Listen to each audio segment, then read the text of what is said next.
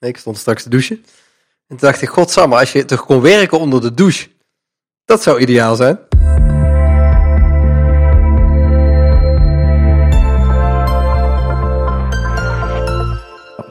Zullen we gewoon zeggen dat we dit eruit knippen en dan beginnen we hier? En dan, dan denken al die mensen, oh, we hebben die jongens over gehad. Ja, ja precies. En dan komt nu het muziekje. En dan, Mp, mp. ja, gaan we nu beginnen. Zo, Show must go on, hè? twee weken waren we er niet. Nou, zouden mensen ons gemist hebben? Ik weet het niet. Maar als we vorige week hadden opgenomen, dan hadden mensen me überhaupt niet verstaan. Dus eh, Ja, sowieso, sowieso lastig. En helemaal als ik mijn stem kwijt ben. het zit sowieso nog een beetje verstopt bij jou, hè? Ja, hoor je dat? Mijn neus is nog een beetje... eh, Ja, Ik klink misschien een beetje nasaal. ja, Maar eh, ik ben bijna beter. goed zo. Gaan we het, dan, waar gaan we het over hebben? Het is aflevering nummer 31 van de podcast show. Ja, online. Internet, internet, internet radio show. juist. Het is wel leuk. Iedereen die op mijn kantoor binnenloopt en de microfoon eh, ziet, die denkt dat, wij een dat ik een radioprogramma heb. Ja, dat hoor ik ook wel vaker, dat is leuk. Zit je op de radio of zo? Ja. Ja. Ik, ik ben die trucker die hier vrijdag op eh 3FM hoort. dat ben ik. Ja. Dat weet niemand. Ja, waar gaan we het over hebben? Integriteit. Integriteit kent geen tijd. oh, dat is een flauw grapje. Dan kun je wel alles doen wat op tijd eindigt. Lachen. Volgens mij hebben we een hele poos geleden wel eens een vraag gehad over acquisitie. Mhm. En toen hadden we eigenlijk geen goed antwoord. Vonden we zelf. Alleen eigenlijk hadden we een hartstikke goed antwoord. Wat was de vraag dan? Nou, de vraag, is, vraag, vraag was aan ons van hoe, hoe doen jullie acquisitie? Hmm. Doen jullie überhaupt acquisitie en hoe doe je dat dan en, eh, en waarom? En toen zeiden wij van, nou, wij doen eigenlijk geen acquisitie, toch? We hebben het toen gehad over netwerken en, eh, en af en toe eens een proactieve mailtje sturen naar iemand om even contact op te halen of, eh, of te refereren aan een, aan een gesprek of zoiets dergelijks. Maar buiten dat eigenlijk niet echt iets of zo. Het is niet dat wij cold calling flyers in brievenbussen douwen en, en daar echt heel actief op zoek zijn naar, naar leuk werk. Nee, dat is nog niet, eh, nog niet nodig geweest. Nee. En toen hadden we het volgens mij in die show al, het al eventjes over. Hoe komt dat dan? En toen kwamen we eigenlijk tot de conclusie dat het... eh, dat dat, volgens mij hebben we dat woord toen niet genoemd.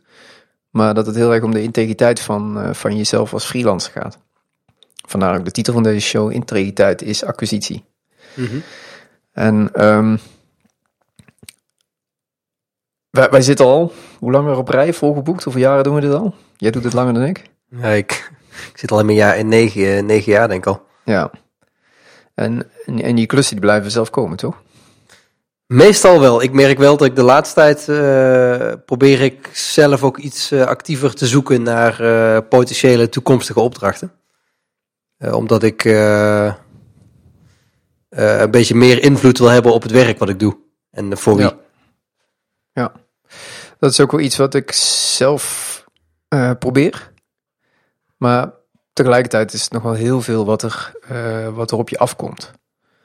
Denk ik. Ja, dat klopt. Ja. Heel veel opdrachten waar ik ooit gewerkt heb. Of eh, Ja. ook heel veel recruiters natuurlijk. Ja, maar het is ook zo, denk ik, dat je, dat je, dat je ook ehm, actiever reageert op de klussen die je echt interessant vindt. Dus ik kan me voorstellen, als er nu een, stel je voor dat er een interessante toekomstige opdrachtgever komt, eens- ik vind, nou, ik heb nu geen tijd voor, Ehm, en, je, en je hebt een klus waar je, waar die totaal niet interessant vindt, dan ga je daar heel anders mee om, denk ik, hoe je, en hoe je die afwijzing eh, schrijft, bijvoorbeeld. Ik kan me voorstellen dat je klus die je niet tof vindt, daar schrijf je een mailtje voor. En dan zeg je van nou, geen tijd, helaas, pindakaas, dag. En, en, en wat zeg je dan? Eh, Wat zeg je altijd?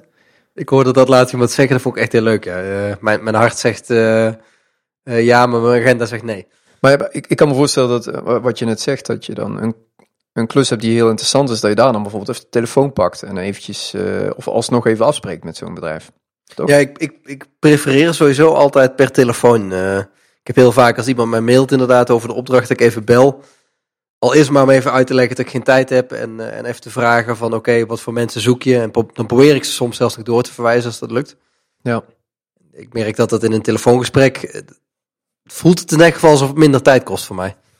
Ja, ik vind het over het algemeen ook wel fijner. Maar ik, wat ik in ieder geval doe, is dat dan, stel je voor dat je een potentieel een interessante, een hele leuke klus hebt, maar je, op dit moment zit je gewoon vol voor een hele periode nog. Dan, dan spreek ik af. Probeer, dat probeer ik dan. Als, als, men dat, uh, als men dan toch in ieder geval voor de toekomst wellicht nog een keer een, um, een, een ingang te hebben, zeg maar. Ja, gewoon een kopje koffie doen of zo bedoel je? Ja, gewoon even langs gaan, even, even praten, even weten we, dat zij weten wat ik doe en dat ik weet wat zij doen. En um, gewoon even, even ja, elkaar te snuffelen klinkt een beetje vies, maar zo is het wel, denk ik. Dat is ook een veel fijnere uitgangspositie als je elkaar kent. Hè? Ja. Heel vaak dat uh, klanten mij bellen en soms uh, ga ik er dan ook op in, omdat ik toevallig een opdracht aan het zoeken ben. Maar je kent elkaar dan eigenlijk helemaal niet. Dus dan kan het, uh, kan het of heel erg meevallen of heel erg tegenvallen. En, en als je elkaar dus al een keer hebt leren kennen, je hebt al een keer koffie met elkaar gedronken, dan weet je eigenlijk al veel beter wat voor iemand je voor je hebt. En of je dan dus een opdracht met hem samen wil doen. Ja. Ik, maar een stapje terugnemen, want we hebben het al over hoe we omgaan met de klussen die op ons afkomen. Um, hoe komt het dan dat die, dat die klussen op ons afkomen? En, en volgens mij hadden wij het er toen over dat, we hebben toen gezegd van under promise over deliver. Ja. Daar zullen we direct nog eventjes over hebben, denk ik. Ja. Um, maar de mate waarin jij als betrouwbaar wordt ervaren, een verwachting overtreft en een beter werk levert dan verwacht. Ik, ik, ik denk, um, je mag zeggen of je het daarmee eens bent of niet, ik denk dat dat heel erg sterk weegt in, uh, in hoe jij waargenomen wordt voor de buitenwereld en hoe dus over jou gesproken wordt en hoe dus de mond-op-mond reclame zichzelf verspreidt. Ik, ja, denk ik, dat ik, ik uh, denk dat transparantie ook een hele belangrijke is. Uh, ik durf ook best te zeggen dat ik bijvoorbeeld uh, als ze bellen, ik ben voor deze klus bezig nu, dus ik vertel echt over welke klant ik werk en hoe lang het duurt. En uh, ook openheid als ik een opdracht doe over waar ik mijn uren aan besteed en als ik ergens mee vast zit. Dat zijn allemaal dingen wel die ik vertel aan de klant. En ik denk dat heel veel andere freelancers dat liever voor zich zouden houden. Ja. Um, ja, dus betrouwbaarheid en transparantie. Maar waarom is dit denk je zo belangrijk dan? je hebt net al een beetje verteld volgens mij. Nou, het is sowieso een heel klein wereldje. Dus ik denk dat uh, goed nieuws verspreidt zich snel. Dus als je ergens goed werk voor doet, dan, uh, dan, dan word je ook weer doorverwezen bij andere klanten. Maar ik denk dat slecht nieuws zich ook uh, verspreidt en misschien nog wel sneller. En dat is ook een van de redenen waarom ik altijd een klus ook altijd heel netjes probeer af te handelen. Zelfs als het escaleert of zo, of als ik, ik heb ook wel eens meegemaakt in het verleden dat dat ik niet kon eh, opleveren wat ze graag wilden, dan probeer ik dat toch op, eh, op de een of andere manier netjes af te ronden. Ja, je neemt er eigenlijk verantwoordelijkheid voor. Uh, ook al is het wellicht niet per se je schuld. Ja, ik probeer er wel uit te komen. En als ik dan, als ik als persoon er niet uitkom, dan probeer ik bijvoorbeeld iemand anders aan te schakelen. Of een, of een derde partij erbij te regelen die, die, die kan helpen ermee of zo. Of, ja. ja. Ik denk dat ook, ik, ik heb in ieder geval best veel terugkerende klanten gehad door de jaren heen. Dus ik heb eigenlijk um, een aantal jaar zelfs gewoon alleen maar voor dezelfde klanten gewerkt. Die telkens terugkomen met werk. En die, daar bouw je een relatie mee op en die, die ga je door aanbevelen. Maar die zijn ook super belangrijk, zeker als je begint, zijn die belangrijk voor de continuïteit. Dat, dat, ja. je, dat je niet iedere maand weer af moet vragen van, goh, heb ik nog werk? Dat, op een gegeven moment komt er een soort continue stroom aan, uh, aan werk uit. En dat heeft gewoon te maken met die, die, die indruk die je achterlaat, die eerste klussen. Op het moment dat jij hun hun verwachtingen overtreft. En, en aantoont dat jij betrouwbaar bent en dat ze op je, op je kunnen bouwen, dan, uh, dan gaan ze zeker terugkomen. Ja. Dus ik denk dat het voor de continuïteit als freelancer dat het heel belangrijk is. Ja, om je vaste klantenkring uh, op te bouwen. Ja, ja, of in ieder geval een uh, vaste krantenkring of, of een, een netwerk. Hè. Collega's zijn ook heel belangrijk. Ja. En die hebben daar natuurlijk ook, ook mee te maken. Die, die, kijk, als, als zij jou ergens aanbevelen, dan, dan, dan is die integriteit ook weer super belangrijk. Hoe je, hoe je nee zegt tegen een klus of hoe je ja zegt en dan vervolgens dat werk doet. Dat, daar hangt het vanaf of, of dat zij er nog eens aan gaan bevelen of niet. Ja, en ik denk wat, uh, wat daar ook heel erg uh, tegenaan hangt, is uh, het aanbevelen van, van collega's. Wat ik heel vaak heb is als, als klanten bellen en ik kan niet, dan verwijs ik ze door naar een andere freelancer. En eh, speciaal daarvoor heb ik een, een groepje opgericht, mede opgericht in Amsterdam. Met freelancers die ongeveer hetzelfde doen. En we hebben met elkaar de afspraak gemaakt Dat wij eh, zonder elkaar daar eh, kosten voor te rekenen, eh, klanten doorverwijzen aan elkaar. En ik merk ook dat dat echt supergoed werkt. Als klanten naar mij toe komen en ik, en ik kan ze dan meteen een aantal andere freelancers noemen, dan zijn ze super blij. En dan komen ze daarna vaak ook gewoon weer terug bij mij. En ik Ja. denk als ik ze neven zou verkopen, dan, dan gaan ze op een gegeven moment denken van ja, die jongen die kan toch nooit, dus die kan ik net zo niet bellen. Ja, in, in navolging op jullie clubje zijn we ook bezig met een clubje van designers om hetzelfde te gaan doen. We zien gewoon dat het zo goed werkt bij jullie.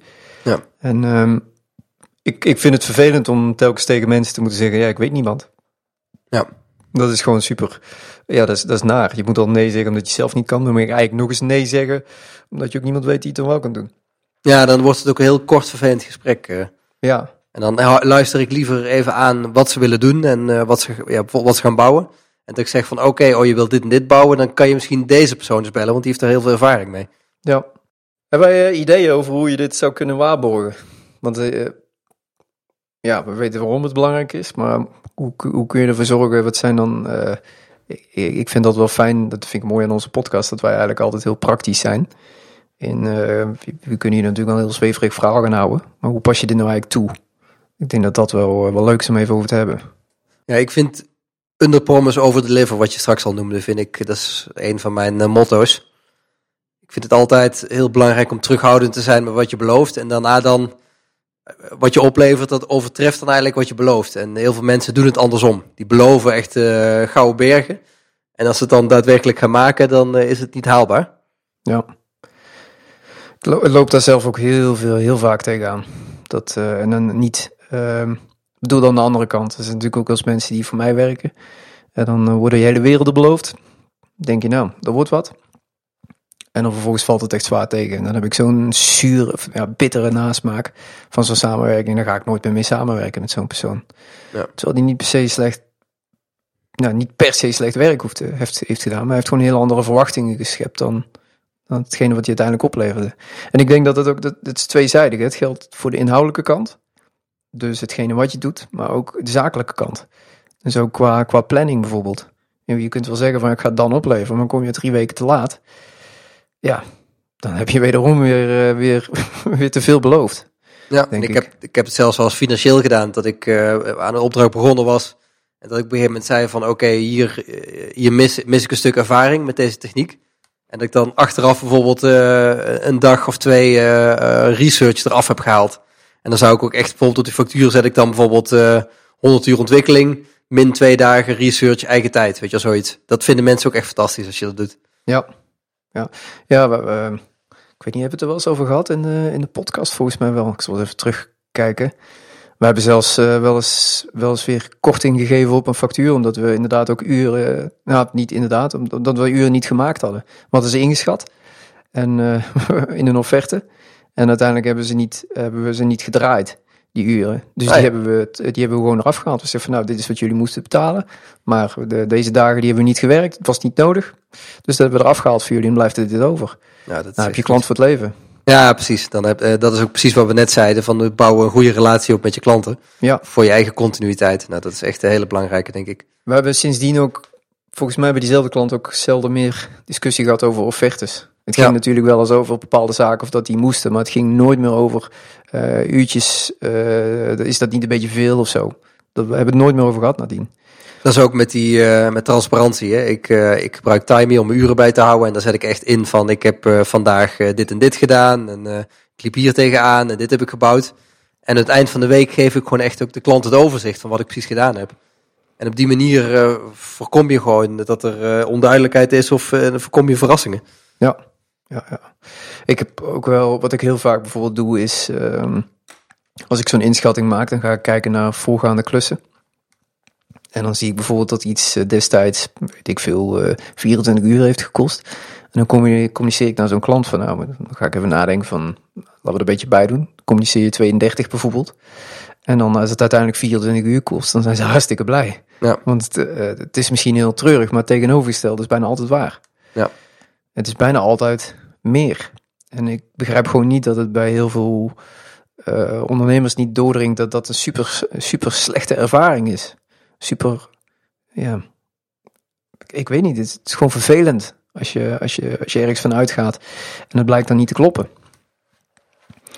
Dus ik, ja, de- dat is een van de belangrijkste, denk ik. Daar kun je, als je dat goed doet, dan eh, dan kun, je, kun je een hele carrière opbouwen, denk ik. Ja. Ehm, wat ik zelf nog wel een, een mooie vind, ehm, is misschien een heel klein dingetje en wellicht niet overal even gewaardeerd, maar op tijd komen. Dus een afspraak en dan Wordt dat niet overal gewaardeerd, denk je? ja, nou, ik weet het niet. Ik denk niet dat het overal evenveel gewaardeerd wordt, laat ik het zo zeggen. Ehm, maar ik ben zelf iemand die wel waarde hecht aan op tijd komen. En dan bedoel ik te vroeg zijn. En, en niet, niet, niet exact op, de, op het tijdstip, maar gewoon op tijd en goed voorbereid er zijn. Ja, ja ik vind het ook zelf eh, ook heel erg belangrijk. Ik eh, probeer zelf ook altijd gewoon ruim van tevoren ergens op de afspraak te zijn. En dan, eh, stel ik spreek ergens in de stad af met iemand om wat te gaan drinken, dan zorg ik gewoon dat ik een half uur eerder ben. En dan loop ik even rondje nog van tevoren. Want ik vind niks, niks zo slordig als dat je gewoon vijf minuten van tevoren moet bellen van ik ga het niet halen. Heb je al meteen een slechte indruk achtergelaten, wat mij betreft. Ik, ik, ben, ik ben er ook gewoon echt kwaad op mezelf als ik het niet, als ik het niet red. Dat is super vervelend. En natuurlijk heb je altijd overmacht. Er kan eens een file van ongelukken of wat dan ook. Iets waar je geen rekening mee heeft gehouden. En Dan, dan, dan, eh, maar dan nog moet je er eigenlijk zelf verantwoordelijkheid voor nemen, denk ik. Je had het vaak wel kunnen inschatten. Ja, precies. Ik, ik moet ook meteen denken aan... ehm volgens mij is dat een quote die in het, in het, eh, in het leger in Amerika gebruikt wordt. eh, te vroeg is op tijd, op tijd is te laat. Vind ik wel mooi. Ja. Dus... ehm, Waar we het net ook al heel even over hadden, is eh, als je een fout, fout maakt, neem dan ook de verantwoordelijkheid en los het op. Eh, ik, ik, ik zei net van, eh, wat zei ik eigenlijk? Je zei over, je vertelde over dat je. Oh ja, dat ik ergens niet eh, in een op bepaalde opdracht een keer gezegd heb van hier heb ik geen expertise voor, oh ja. eh, over. Hiervoor moet u iemand anders inschakelen. Dat is nou typisch een puntje van je, je kan daarop vast blijven zitten. Je kan echt eh, blijven beuken op dat onderwerp dan. Maar ik, ik heb dan liever zoiets van oké, dan schakel even iemand anders in om dit even op te lossen. En dan kunnen we weer verder. Ja. Dus als je, eh, stel je maakt ergens een fout of je, je schiet ergens tekort, bespreek dat gewoon en, en neem de verantwoordelijkheid om het op te lossen. Ja, dan heb je het ook meteen weer over die transparantie. Hè? Ja. Ga, ga, niet, ga niet dan proberen de andere dingen te schuld te geven, of externe factoren of die klanten schuld te geven. Maar Ja, en probeer niet te doen net alsof je alles weet. ja, maar probeer eh, en, en geef het op tijd aan ook. Zodra je het weet, wees dan eerlijk en open over wat er is gebeurd. En, eh, en, en los het vervolgens op. Ja. en dit is niet altijd even leuk, maar ik denk dat. ehm het is super belangrijk over hoe je die fout oplost. Ik heb sterker nog, ik heb wel eens ergens gelezen dat sommige bedrijven eh expres een foutje in, het, eh, in, hun, in hun dienstverlening stoppen. Wat ze dan vervolgens heel goed op kunnen lossen. Ah ja. Waardoor jij een beter gevoel overhoudt aan die, aan die ervaring, aan die, aan die, eh, aan, aan die dienstverlening.